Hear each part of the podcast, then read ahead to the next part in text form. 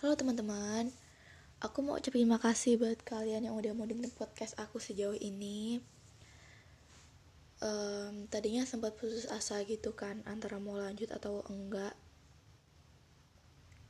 Tapi ternyata selama aku diam, aku, aku sama aku diam aja gitu, aku nggak upload podcast beberapa hari, sudah hampir sebulanan ya ternyata ada juga yang dengerin dan lumayan banyak. Makasih buat kalian yang udah mau meluangkan waktu dan juga membuka telinga atau dengerin podcast aku. Thank you so much guys.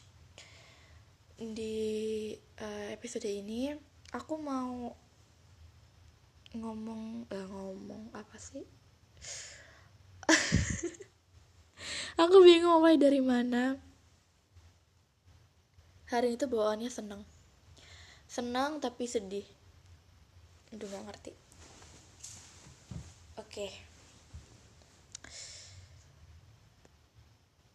Pernah kalian pernah ngerasa kayak untuk kalian pernah ngerasa capek? Capek banget. Kayak ngelakuin apa pun itu menurut kalian tuh kayak nggak ada hasilnya gitu. Serius kayak kalian ikut ujian terus um, tapi nilai yang kalian dapet itu nggak memuaskan gitu. Padahal padahal selama di rumah aja tuh kita ujiannya udah ada HP buku. Tapi kenapa nilainya tuh nggak memuaskan gitu? Bener-bener ngerasa terus kalian tiba-tiba ngerasa ya ampun bodoh banget aku gitu bodoh banget. Udah ada HP udah ada buku tapi kenapa nilai masih segini aja? Kenapa sih gitu? Terus kalian ngerasa uh, ngerasa lebih buruk dibanding dengan teman-teman kalian yang nilainya bagus-bagus tuh kalian ngerasa kalau nilai kalian itu paling rendah di antara mereka. Saya juga pernah kok gitu malah semua remaja pasti pernah gitu ya apalagi anak-anak sekolah gitu itu pasti pasti pernah. Tapi uh, itu sebenarnya bukan apa ya dibilang usaha tapi usaha kalian itu sebenarnya udah udah maksimal gitu. Kalian udah capek-capek usaha tapi ternyata nilainya nggak memuaskan. Itu bukan usaha kalian yang salah itu juga bukan doa kalian yang salah. Enggak sih tapi itu memang sudah jalannya seperti itu dan ketentuannya memang sudah seperti itu. Mungkin bukan rezekinya bukan rezekinya tapi akan ada saatnya di mana kalian bisa berada di posisi itu Oke, gini, kalian pernah nggak ngerasa kalau um, kalian tuh ngerasa antara uh, iri sama sama apa sih? Sama terima gitu tuh nggak ada bedanya gitu Contoh nih, teman-teman kalian udah jauh di sana, di depan sana. Udah bisa natap masa depan gitu. Mereka udah punya bayangan setelah ini mereka mau sekolah di mana. Setelah sekolah di sini, mereka ngelanjut kuliah di mana. Setelah itu, mereka punya impian mereka ingin kerja apa, kerja di mana gitu. Tapi kalian tuh belum ada gambaran untuk ke situ gitu. Kalian kalian tuh ngerasa iri gitu tapi di saat kalian ngerasa iri itu kalian ngerasa kayak ya udahlah terima aja. Mungkin emang gini jalannya. Mungkin emang gini jalannya hidupku gitu. Jadi antara iri sama percaya sama keadaan itu kayak nggak ada bedanya gitu. Pernah ngerasa gitu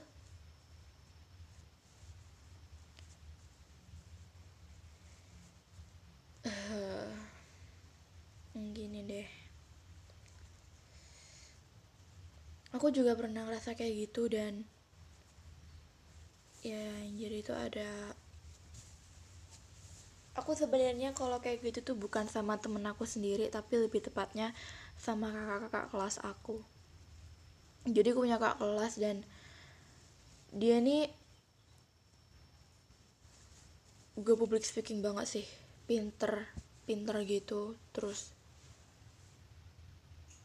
jadi kadang kalau misalnya aku lihat dia lewat atau kita papasan gitu waktu pas jalan tuh pikiran aku sumpah ini orang pasti bisa jadi sukses nih gitu. Karena dia tuh pinter banget.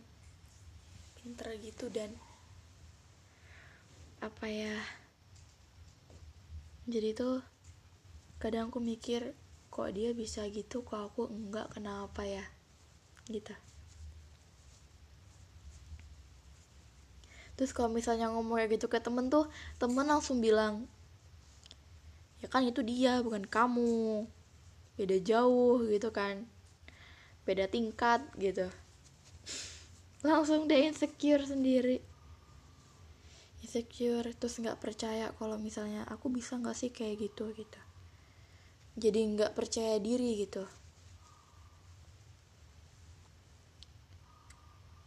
tapi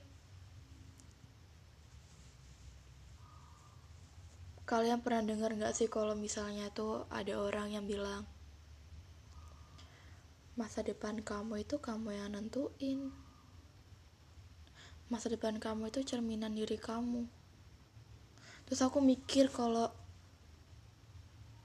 aku sukanya rebahan gitu. Aku sukanya main HP gitu. Aku belajar kalau pas lagi pengen doang. Terus nanti masa depan aku buruk dong masa depan aku hancur dong gitu. Ya kan? Iyalah. Kan sekarang emang zamannya gitu.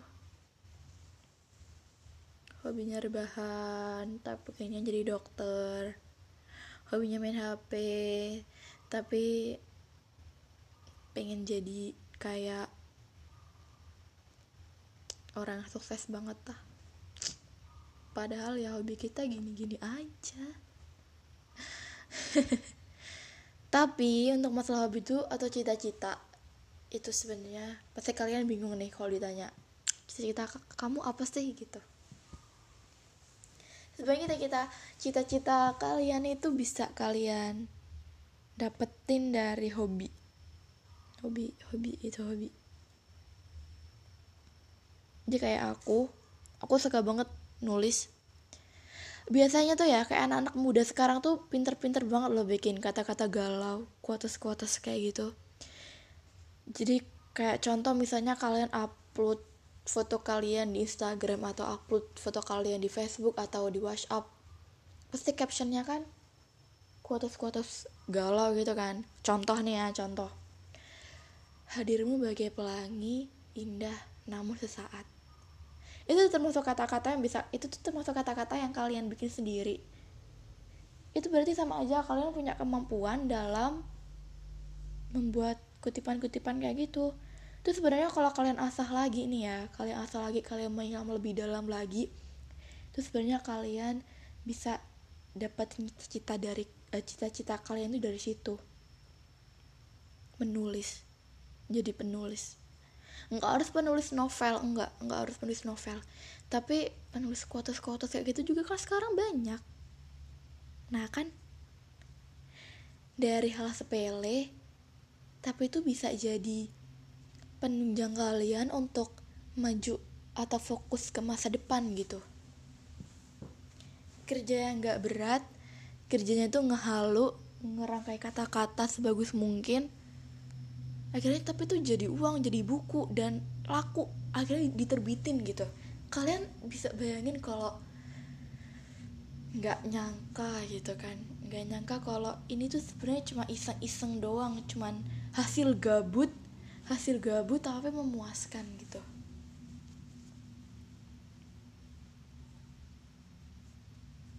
Sekarang jangan cari uang mudah ya bisa dari YouTube.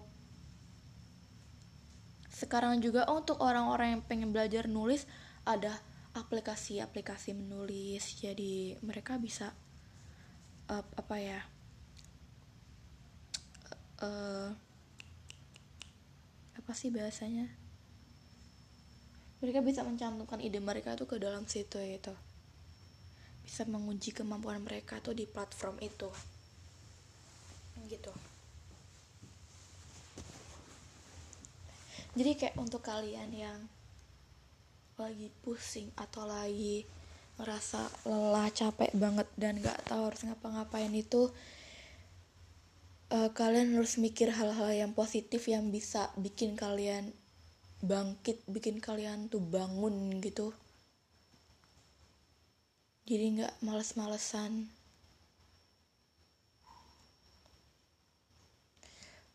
Um, gagal itu wajar. Gagal itu wajar. Karena gini ya segala perbuatan itu pasti nggak ada yang langsung jadi gitu nggak. Nggak ada.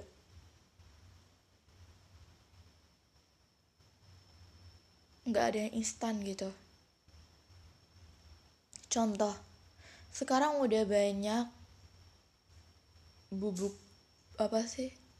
Ya brownies gitu yang udah siap yang udah siap.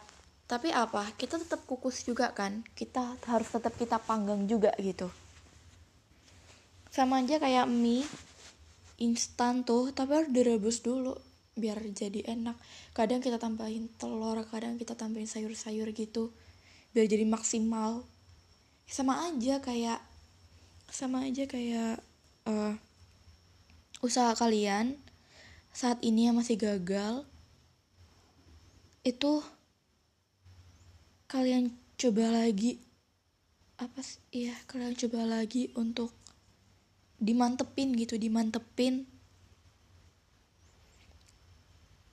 Dan gagal itu bukan berarti kalian berhenti itu enggak gitu.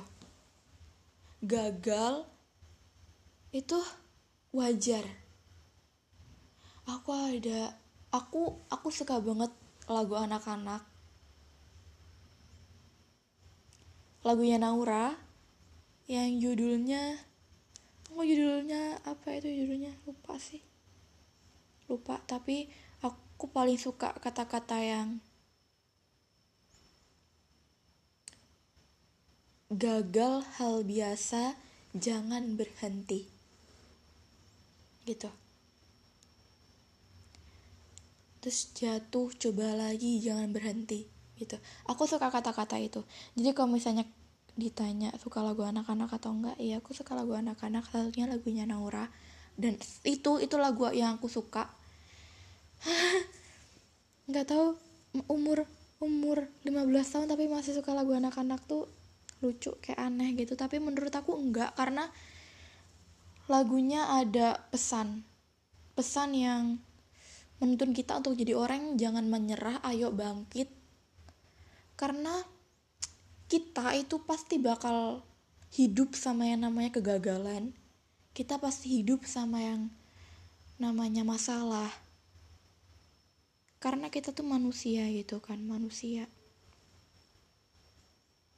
Kalau misalnya ditanya kamu ntar nikah sama siapa ya? Nikah sama masalah bakal ada kegagalan juga dalam hidup yang ditempuh gitu. Ibaratnya jalan nih kalau lurus lurus saja itu kita kayak bingung ini ini ujungnya di mana gitu. Ini ujungnya di mana ini kapan sampai ini lurus terus ini nabrak atau enggak gitu. Tapi kalau misalnya kayak ada belok belok ke kanan atau belok ke kiri ada belokannya gitu kalian jadi bisa ngerasain rintangan tantangan yang ada. Jadi ibarat hidup tuh berwarna gitu.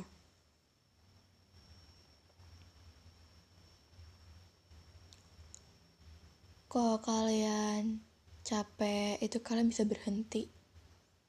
Berhenti maksudnya bukan bukan berhenti. Kalian jangan berhenti untuk bermimpi kalian jangan berhenti untuk apa menyudahi perjalanan itu jangan. Maksudnya berhenti itu berhenti itu maksudnya kalian istirahat sebentar terus bangkit lagi.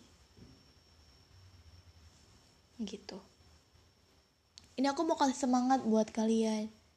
Karena hari ini tuh teman aku banyak gitu yang curhat ke aku tentang kayak mereka tuh capek nilai mereka nggak memuaskan padahal mereka tuh nggak sendiri. Karena aku juga ada. Jadi sebenarnya menurut aku orang sedih orang capek itu sebenarnya cuma butuh temen. Cuma butuh temen kalau mereka itu nggak sendiri gitu. Orang capek itu kan pasti bawaannya sedih gitu kan. Orang sedih gitu. Hal kecil nih contoh aja ulangan terus kita harus remedial. Harus remedi kita sedih tuh terus tiba-tiba datang nih teman kita yang nanya nilaimu berapa gitu terus kita jawab kalau nilai kita kecil gitu tiba-tiba dia bilang berarti kita remedi gitu Terus kita jawab, kamu juga remedi? Iya remedi katanya. Akhirnya apa? Kita seneng karena kita nggak sendirian, ada teman kita juga yang gagal. Jadi kita bareng-bareng untuk bangkit, bareng-bareng berdiri gitu sama temen itu tadi. Jadi menurut aku orang orang capek itu kan pasti bawaannya sedih dan itu cuma butuh temen cuma butuh teman kalau mereka tuh sebenarnya tuh enggak sendiri gitu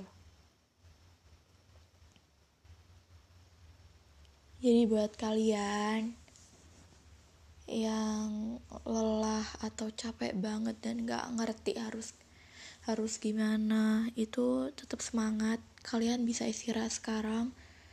Istirahat. Kalian tenangin pikiran dulu.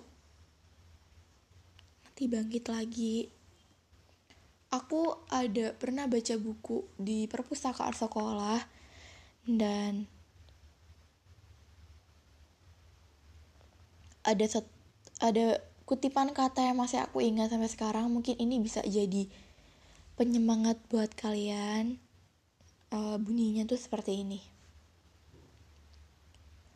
jangan menyerah semua butuh waktu kamu tidak sedang tertinggal oleh siapa pun. Kamu sudah melakukan segalanya. Tanganmu memang membisu, tapi dia tahu bagaimana hari-harimu yang selalu penuh. Semangat!